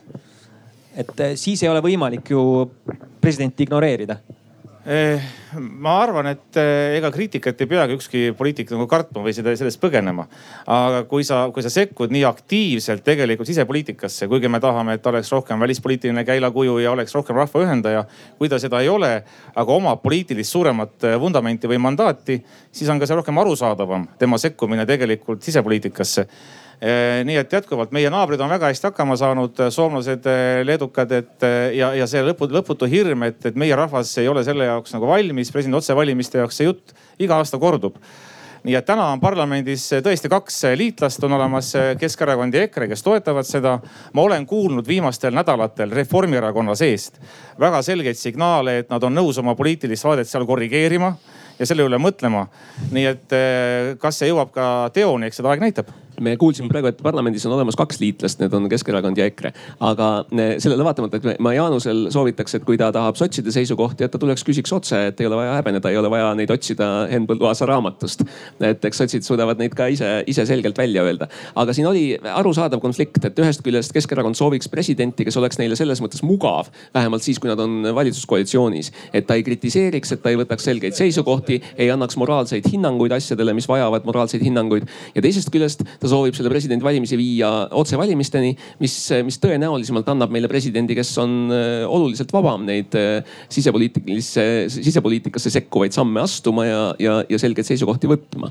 nii et, et siin teatav, teatav konflikt on, et mida siis õieti tahetakse. aga seda, et rahvas ei ole küps midagi tegema, seda sellest, sellest arvamusest olen mina, mina olnud alati väga-väga kaugel. ma arvan, et rahvas on küps tegema õigeid valikuid ja ma arvan, et, et ka valimiskogu on kindlasti tegema küps õigeid valikuid ja valimiskogu suudab langetada selle õige valiku valiku ka siis, kui ta, kui ta jõuab äh, nende kandidaatideni, kes seal üles seatakse, isegi kui nende hulgas on näiteks Jüri Ratas ja, ja Kersti Kaljulaid äh, ja Henn Põlluaas või veel keegi neljas. Urmas, äh, mis siis juhtuks, kui me valiksimegi, rahvas valiks presidendi? ma ei jaga seda seisukohta, mille puhul ma ei tea, Toomas Hendrik Ilves on osundanud, et noh, see võib meid tagasi viia kuidagi Kesk-Aasia vabariigi või stan staatusesse, et nagu pööret, et. et sõltub sellest kõigepealt, milline see otsevalimissüsteem on, et et enamikul juhtudel on osundatud sellisele süsteemile, et nagu kaks enim, kui ei saa üks kandidaat absoluutset enamust, et siis läheb kaks enim hääli saanuid edasi, nagu ta enamikus riikides otsevalimistel on. Ja siis nende vahel valitakse. see kindlasti tekitab niisugust noh, nagu seisukohtade polariseerumist nende kahe kandidaadi vahel järgmises valimisvoorus mõeldav on ja sellisel juhul ma arvan, on see pigem äh, seda minimaal, maksimaalset ühisosa tekitav sellisele, kui me räägime otsevalimissüsteemist, otsevalimisele nagu on Iirimaal, kus inimesed äh, reastavad kõik oma äh, kandidaadid. et peab esimesena kirjutama siis, kas meeldib Põlluaas, siis teisena kas Eiki Nestor, kolmandana kas Kersti Kaljulaid, nõnda edasi. ja seal tegelikult siis noh, nende puhul need hääled siis omakorda liituvad ehk teisisõnu ja siis üldiselt võidab ka inimene sellise süsteemiga, kelle suhtes ollakse vähem vastumeelsed. see tegelikult ei ole mitte polariseeriva kandidaadi valik, vaid siis pigem nii-öelda noh, tsentristlikuma kandidaadi valik oma noh või moderaatsema kandidaadi valik oma positsioonidelt. nii et jutt sellest, et kas meil äh, suure mandaadiga inimene hakkaks seda võimu kuritarvitama juriidilises mõttes või äh, ka ühiskonnas äh, manipulatiivselt käituma ma, ma, ma ei arva, et meil on üks inimpõlv juba demokraatia traditsiooni, et ma seda väga suureks probleemiks ei pea, aga fakt on see, et otsevalimiseks praegu parlamendis toetust ei ole, põhiseaduse muudatus eeldab kolm viiendikku vähemalt ühes koosseisus ja seetõttu on mõistlik äh, kaaluda neid, mis on realiseeritavad muudatusi. peame nüüd vastu, eks ole. no nii, ma nüüd loodan, et igaüks leiab endale koha ja vihmavarju just ähm,. võib-olla ongi aeg siis, kuna otsevalimisteks äh, äh, poolehoidu ei ole Riigikogus piisavalt, siis äh, äkki jõuaks äh, kõige olulisema küsimuseni äh, lõpetuseks, et äh, millist presidenti Eestile praegu vaja oleks? arvestades äh, rahvusvahelist äh, olukorda, kasvõi näiteks Leedu, äh, Valgevene, Valgevene piiril toimuvat või Äh, kui me vaatame Eesti sisse, millised äh, vastuolulised äh, vaated meil sisepoliitikas on, et missugused, missugust presidenti me tegelikult vajame, võib-olla sealt otsast alustades ta ka lõpuks leiame. Ja mina võin, mina võin alustada, me vaadates seda, kuidas valitseb selline tuleviku suhtes ärevus kogu maailmas, me oleme kuidagi unustanud või, või ei oska enam sellest tulevikust rääkida, et milline see tulevik meil olema peaks me oleme, rähkleme selles olevikus ja oleme väga mures, et kas peaks sinnapoole astuma, vasakule, paremale, otse. võib-olla mõni erakond tahab, et tahaks üldse tagasi aega keerata, et läheks kuhugi sinna, kus oli eile siis äh, minu soov oleks küll näha presidendina inimest, kellel on väga selge visioon tulevikust, kes julgeb sellest tulevikust rääkida, äh, kes on äh, tark ja kes on ka väärikas Eesti riiki esindama sellel rahvusvahelisel areenil, kus seda tulevikku otsitakse või selle nii-öelda tuleviku kokkuleppeid otsitakse. ja selles suhtes äh, ma võib-olla ootaksin presidendilt äh, väga palju sellist, äh, mitte niivõrd olla ähm, rahva ees rahvamees, kui just nimelt olla see inimene, kes sõnastab need tulevikuvisioonid ja, ja annab rahvale selle kindlustunde, et kellelgi kuskil on nägemus. nii, kes on rahvast ees võib-olla jah ja meil on täna selline president, meil on täna selline president olemas ja, ja, ja kindlasti vääriks see president seda perioodi jätkamist, nii et ma kordan Eesti kahesaja ettepanekut juba pikemat aega. Äh, tore, et sotsid on ka seal taga ja tegelikult ka suur osa Reformierakonna valijaid toetavad seda otsust. lihtsalt, et Reformierakond võiks nüüd kätte võtta ja selle protsessi läbi viia ja Kersti Kaljulaid Riigikogus teiseks ametiajaks ära valida Urmas, äh, miks Kersti Kaljulaid ei sobi enam aastal kaks tuhat kakskümmend üks Eesti presidendiks? Kersti Kaljulaid on ka kindlasti tõsine kandidaat, et äh, Jaanuse nimekirja.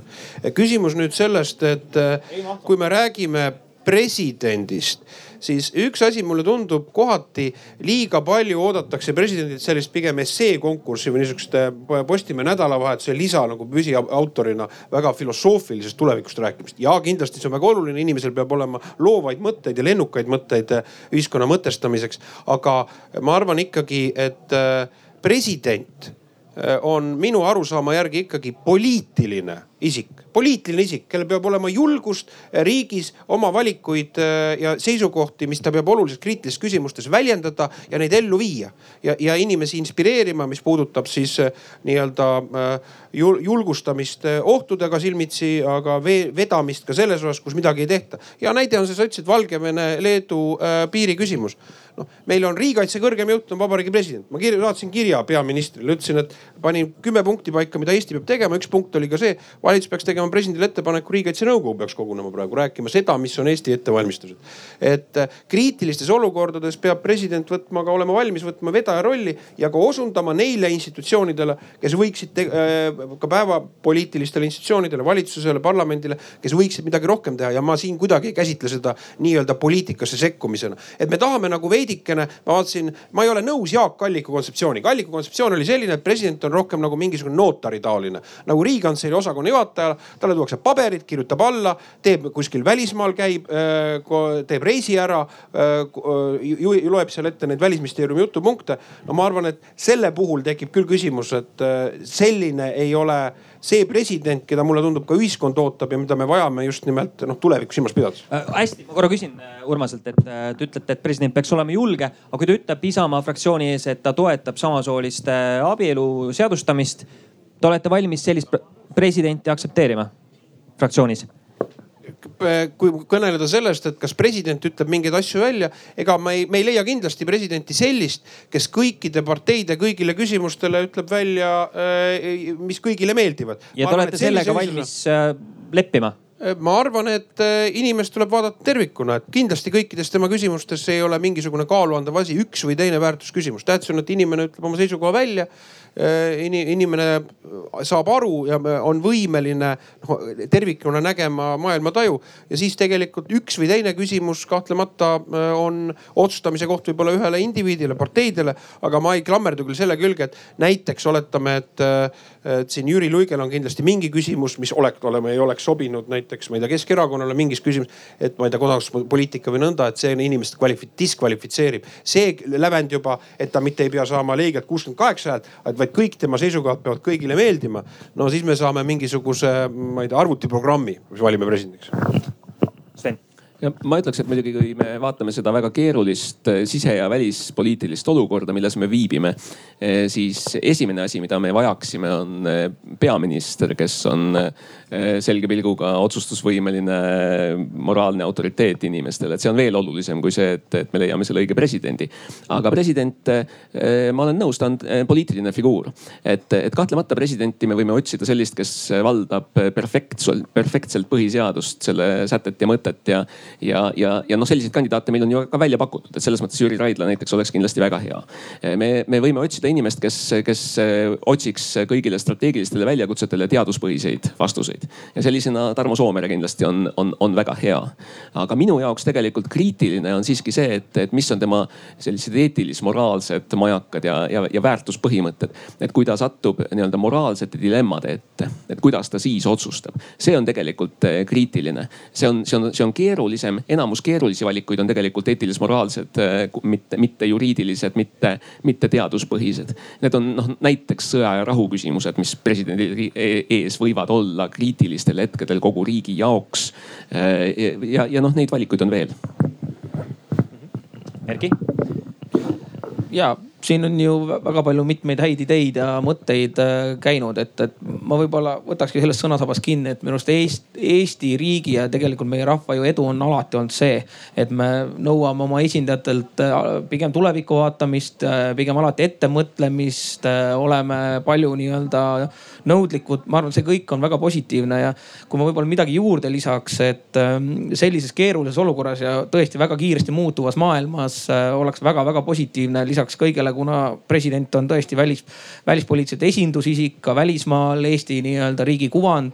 siis teistpidi tahaks, tahaks näha ja sooviks, et äh, ka Eesti inimesed suudaksid äh, temaga samastuda. et ta suudaks äh, tuua välja Eesti inimestes selle positiivse poole inimesed saaksid aru, et äh, mille eest äh, president seisab, äh, kasvõi keerulisi probleeme suudab lihtsalt seletada, anda edasi seda eestlaslikku kontseptsiooni, mida, mida ja kuhu me tahame liikuda. et ma arvan, et ka see on täna väga tähtis, sest infoühiskonnas info pealetülv on nii, nii suur, et me tihtipeale oleme erinevates inforuumides, erinevates taustsüsteemides ja tegelikult sellise ühise, ühise terviku leidmine, millena me riigina mis suunas me võiksime liikuda, mis on meie prioriteedid, eesmärgid ja viia seda ka päriselt väga paljudele Eestimaa inimesteni, see on väga-väga oluline mm. -hmm.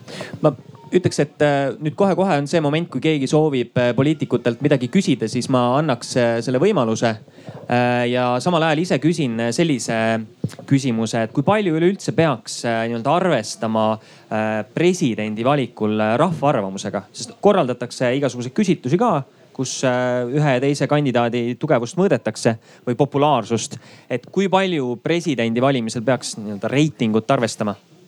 jah, kui me räägime sellisest nagu ideaalsest äh, presidendist, et kes oleks Eestile nagu see parim ja ideaalne. kui me vaatame rahvaküsitlusi, siis on näha, et, et lemmikpresident läbi aegade on olnud äh, Lennart Meri. ja noh, sel juhul peaks tegema lahti siis ju Kirjanike Liidu nimistu ja vaatama, kas me leiame sealt siis sellise moraalse ja vaimse teejuhi, aga noh ja et miks mitte. pange kirja. Meri ja paneme kirja. et aga Meri puhul oli ka see, et ta oli ka välisminister, tal tõesti oli olemas ka poliitiline kogemus, et aga eks ta peaks olema inimene, kes tõesti orienteerub selles välisjulgeolekupoliitikas, tunneb põhiseadust ja kes oma varasema eluga on, on tõestanud seda, et, et ta suudab jääda ka kriisiolukordades nagu tasakaalu. nii et eks me, eks me sellise pilguga otsime ja, ja vaatame, ehk leiame kas kellelgi on äh, tekkinud küsimus, siis palun, äkki saab korra tulla siia lavale natukene lähemale ah,. on olemas mikrofon.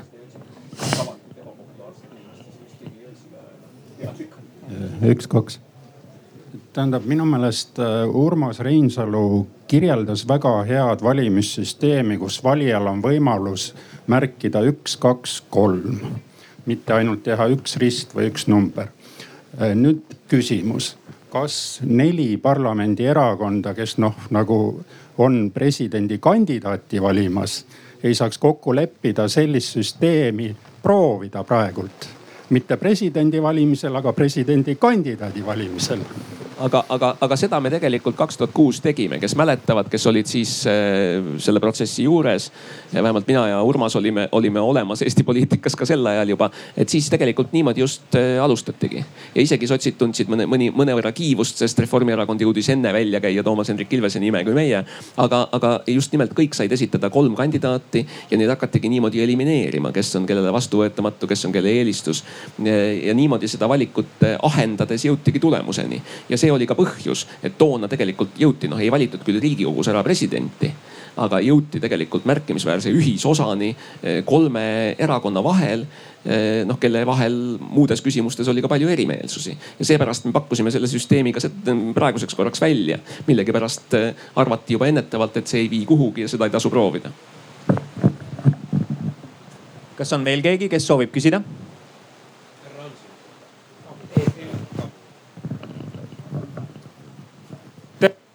Mul on selline küsimus. miks Eesti rahvas ei saaks presidenti valida? et miks selleks peab olema mingi näiteks teatud komisjon, kes, et vot eh, see president saabki Eesti Vabariigi presidendiks, aga vot nüüd rahvas. et see on ju umbes eh, sama näide, kui ma lähen umbes sööklasse. menüüs on hernene eh, mida ma tahan võtta, aga mingi komisjon vahepeal side katkeb ära. ühesõnaga küsimus on eh, ikkagi otsevalimistes, et äh, mida halba juhtuks sellest, kui rahvas saaks ise presidenti valida? võib-olla ühe lausega ega erakondadel on mure, et nende osakaal otsustamises kahaneb, see on see põhjus. sest ma juhin tähelepanu, et ega otsevalimiste puhul, eh, kui me näeme näiteks Austrias olid otsevalimised, siis ütleme suuremad klassikaliste erakondade esindajad ei, eh, ütleme, ei jõudnudki tegelikult teise vooru, et.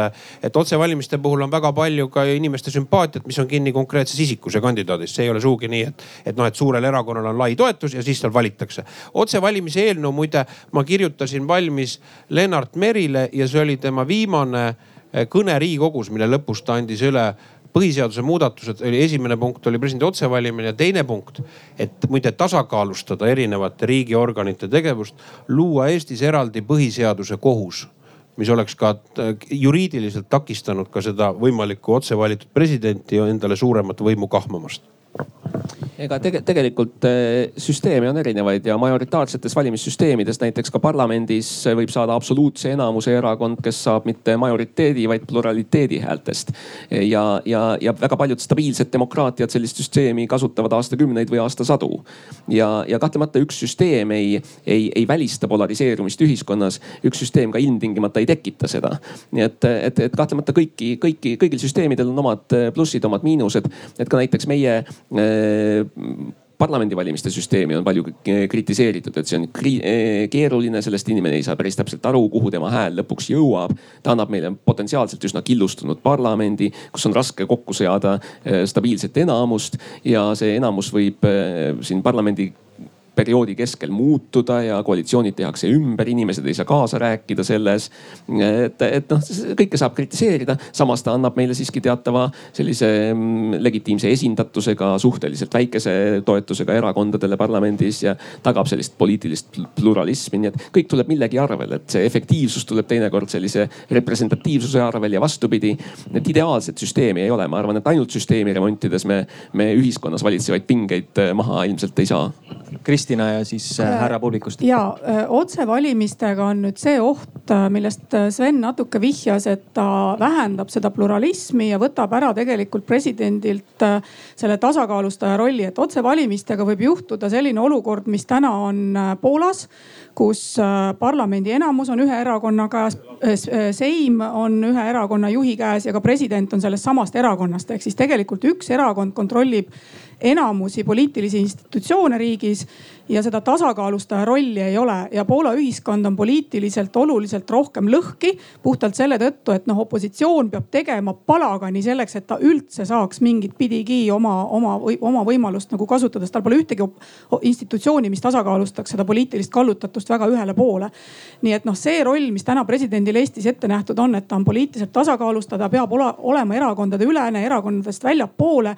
see läheks paigast ära, kui me teeksime valimiskampaaniat erakonnad teeksid valimiskampaaniat oma kandidaadi kasuks ja valitakse ja selles mõttes rahvas valib, et olgem ausad, seal päris palju maksab ikkagi ka raha valimiskampaaniates. me teame, kellel on rohkem raha, see võib endale ka selle presidendi saada.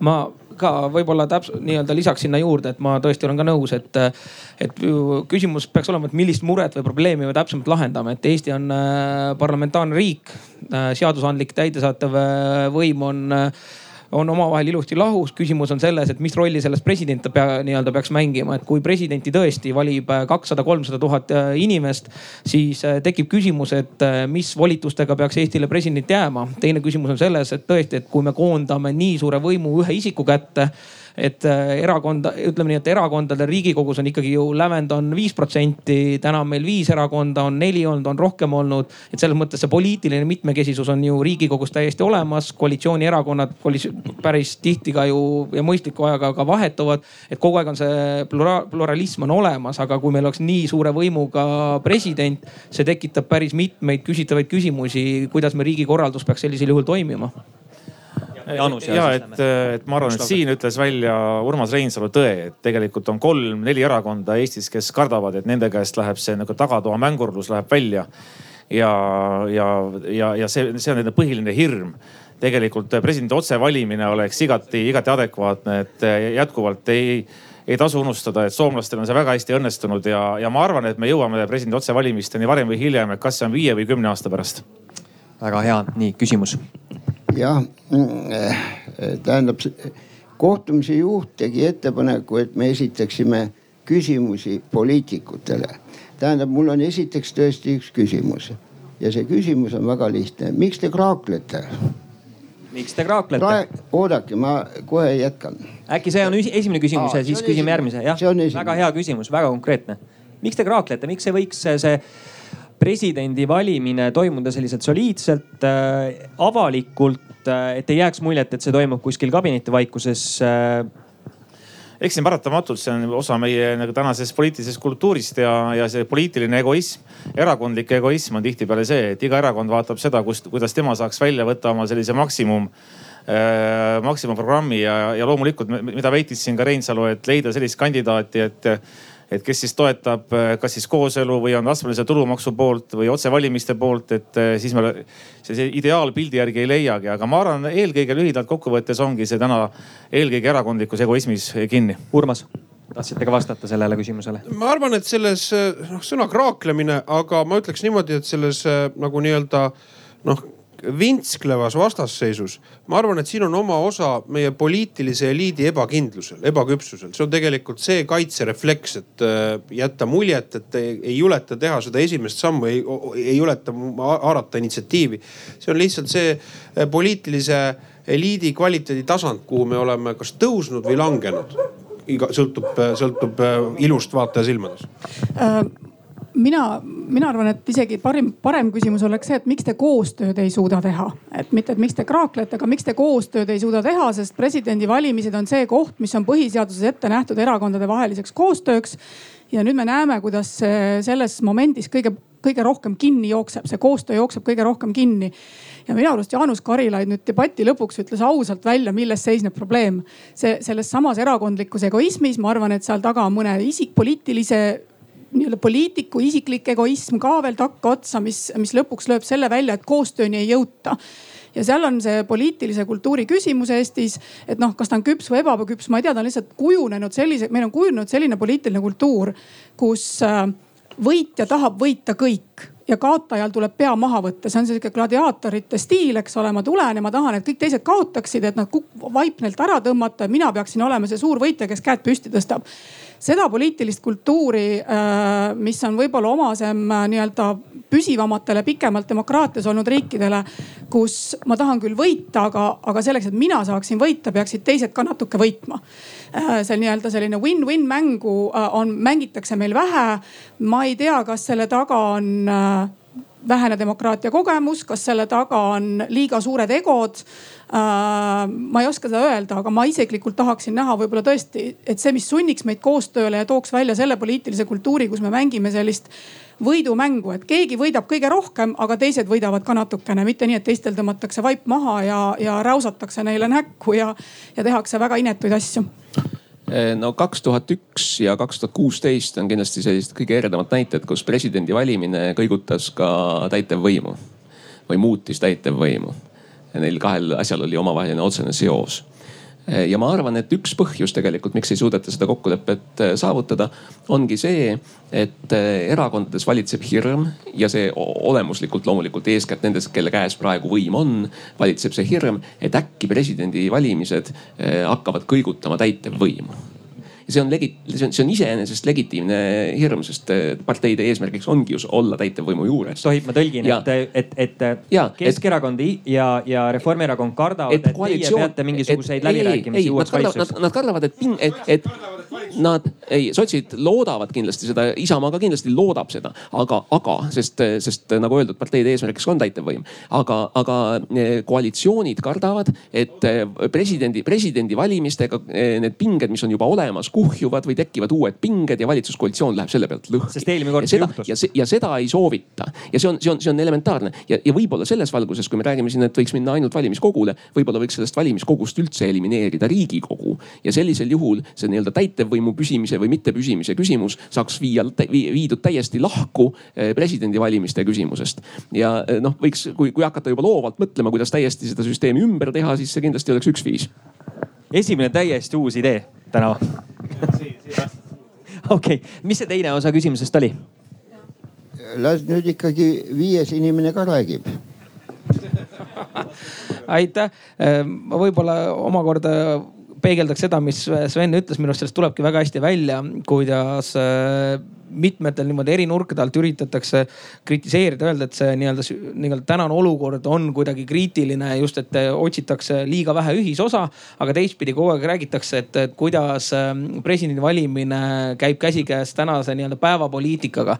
et koalitsioon, et äh, noh, mingis osas ta käib, ma olengi nõus, et aga seesama hetk, et, et äh, kui me näitame, et tänane presidendivalimised on, ma ei tea, jutu, jutuvärkidega ummikusse jooksnud või muud probleemid on, onju. siis see ongi tänase opositsiooni ju soov näidata näidata, et koalitsioonil oleks nagu probleeme. aga teistpidi räägime, et me võiksime ju presidenti valida mitte koalitsiooni ja opositsiooni poolt, vaid tegelikult ühisosa otsides. siis tegelikult need kaks asja tuleks äh, selgelt lahutada et see on see, millest me oleme ka mitu korda olen äh, viisakalt suunanud, et küsimus ei ole ju täna ainult koalitsioonis, opositsioonis ja päevapoliitikas. et me ju räägime Eestile presidendi leidmises ja selles ka see riigikogu lävend. ja siis, aga samas me iga järgmine lausega tuuakse ette hoopis päevapoliitilisi küsimusi.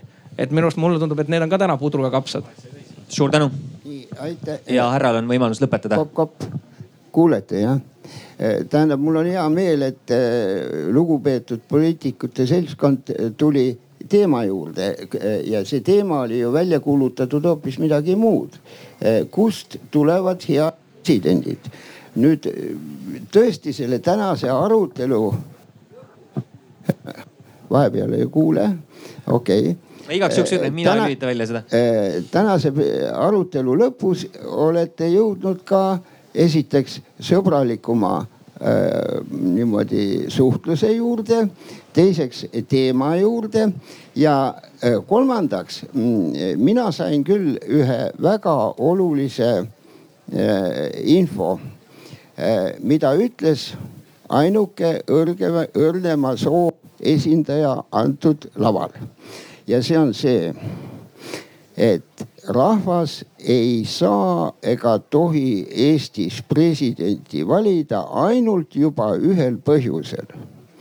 on teoreetiline ja täiesti praktiline võimalus, et sellisel juhul on meil Eestis ühe erakonna esindaja nii president kui ka peaminister ja see oleks meie teo, äh, demokraatia hukk.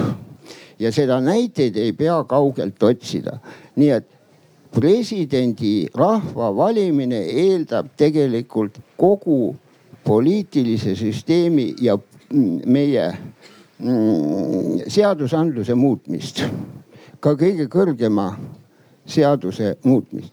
see on väga suur küsimus. Jaanus ma küsin, aga miks te neid oma häid mõtteid siis, te olite ju valitsuses väga pikka aega. miks te neid ei realiseerinud? miks seda, miks te, miks te siis seda ei teinud? jah, ütleme, eks ma siis kordan seda mõtet, et selleks, et presidendi otsevalimisi rakendada, on, on vaja seda suuremat koosmeelt kui ainult Keskerakond ja, ja nagu Sven ütles, meie, meie partner parlamendis meil on vaja veel sinna kolmandat erakonda vähemalt juurde saada. ja kui ma andsin ka väikse lootuse kiire, tõesti Reformierakonna seest on tulnud selliseid lootust andvaid hääli, et presidendi otsevalimiste peale nad juba mõtlevad. nii et nagu ma käisin sellise ajajoone välja, et viie või kümne aasta pärast on see võib-olla juba tõesti võimalik. suur tänu, kahjuks nüüd äh,. kas Kristjan tahab midagi ütelda? lihtsalt tekkis praegu selline mõte, et kas Keskerakond mitte meelega ei aja seda vankrit praegu maha selleks, et tõestada, et ainuke viis saada head presidenti on otsevalimised. ehk jätab oma töö tegemata, oma koostöövõimalused kasutamata selleks, et tõestada seda, et midagi ei jäägi üle, me peame nüüd minema presidendi otsevalimiste juurde. jah, tunnistan üles, see on osake motiivist küll mul võib-olla kuna kuna härraga küsis ja oli ka debati ju nimi, et kust tulevad head presidendid, siis tegelikult ma arvan, et vastus on Eestist. kui me vaatame alates taasiseseisvunud ajast, minu arust iga meie president on olnud oma ajas ja ruumis täitnud oma rolli väga hästi, väga järjekindlalt ja Eesti kõikide presidentide üle saab ainult ju au ja uhkust tunda, nii et Eestist ja meil on olnud eh, vaatamata valimissüsteemile või tänu valimissüsteemile, ükskõik kummat pidi vaadata, on meil olnud tegelikult head presidendid. ja no maailmas on olnud ka halbu presidente ja nende hulgas on ka selliseid, keda on otse valitud, nii et, et, et see kahtlemata, et otse valitakse, ei, ei anna veel mingisugust kvaliteedigarantiid sellele tulemusele mm. -hmm. Ja tundub, et eh, vastus eh, tuli siit välja ka, et kust tulevad presidendid, head presidendid tulevad ikkagi poliitikute peast, tuleb vaadata üksteisele rohkem heasoovlikult silma. Võib-olla võtta isegi käest kinni, nagu Kaja Kallas äh, eile üritas. Ei, mitte käest kinni, meil on praegu rahva hulgas kahe tuhande kuuenda aasta presidendikandidaat Jaan-Sven Männik, meil on äh, Kaimar Karu rahva hulka ilmunud ja meil on Marek Reinaas, kellel ambitsiooni igal ametikohal asuda. On ju? Nüüd on äärev. suur tänu igal juhul äh, sellega on meie arutelu praeguseks lõppenud, kindlasti arutelud jätkuvad ja loodetavasti sünnib ka siis mitte ei sünni, vaid valitakse hea president. aitäh teile kuulamast, kohtume jälle. selge see,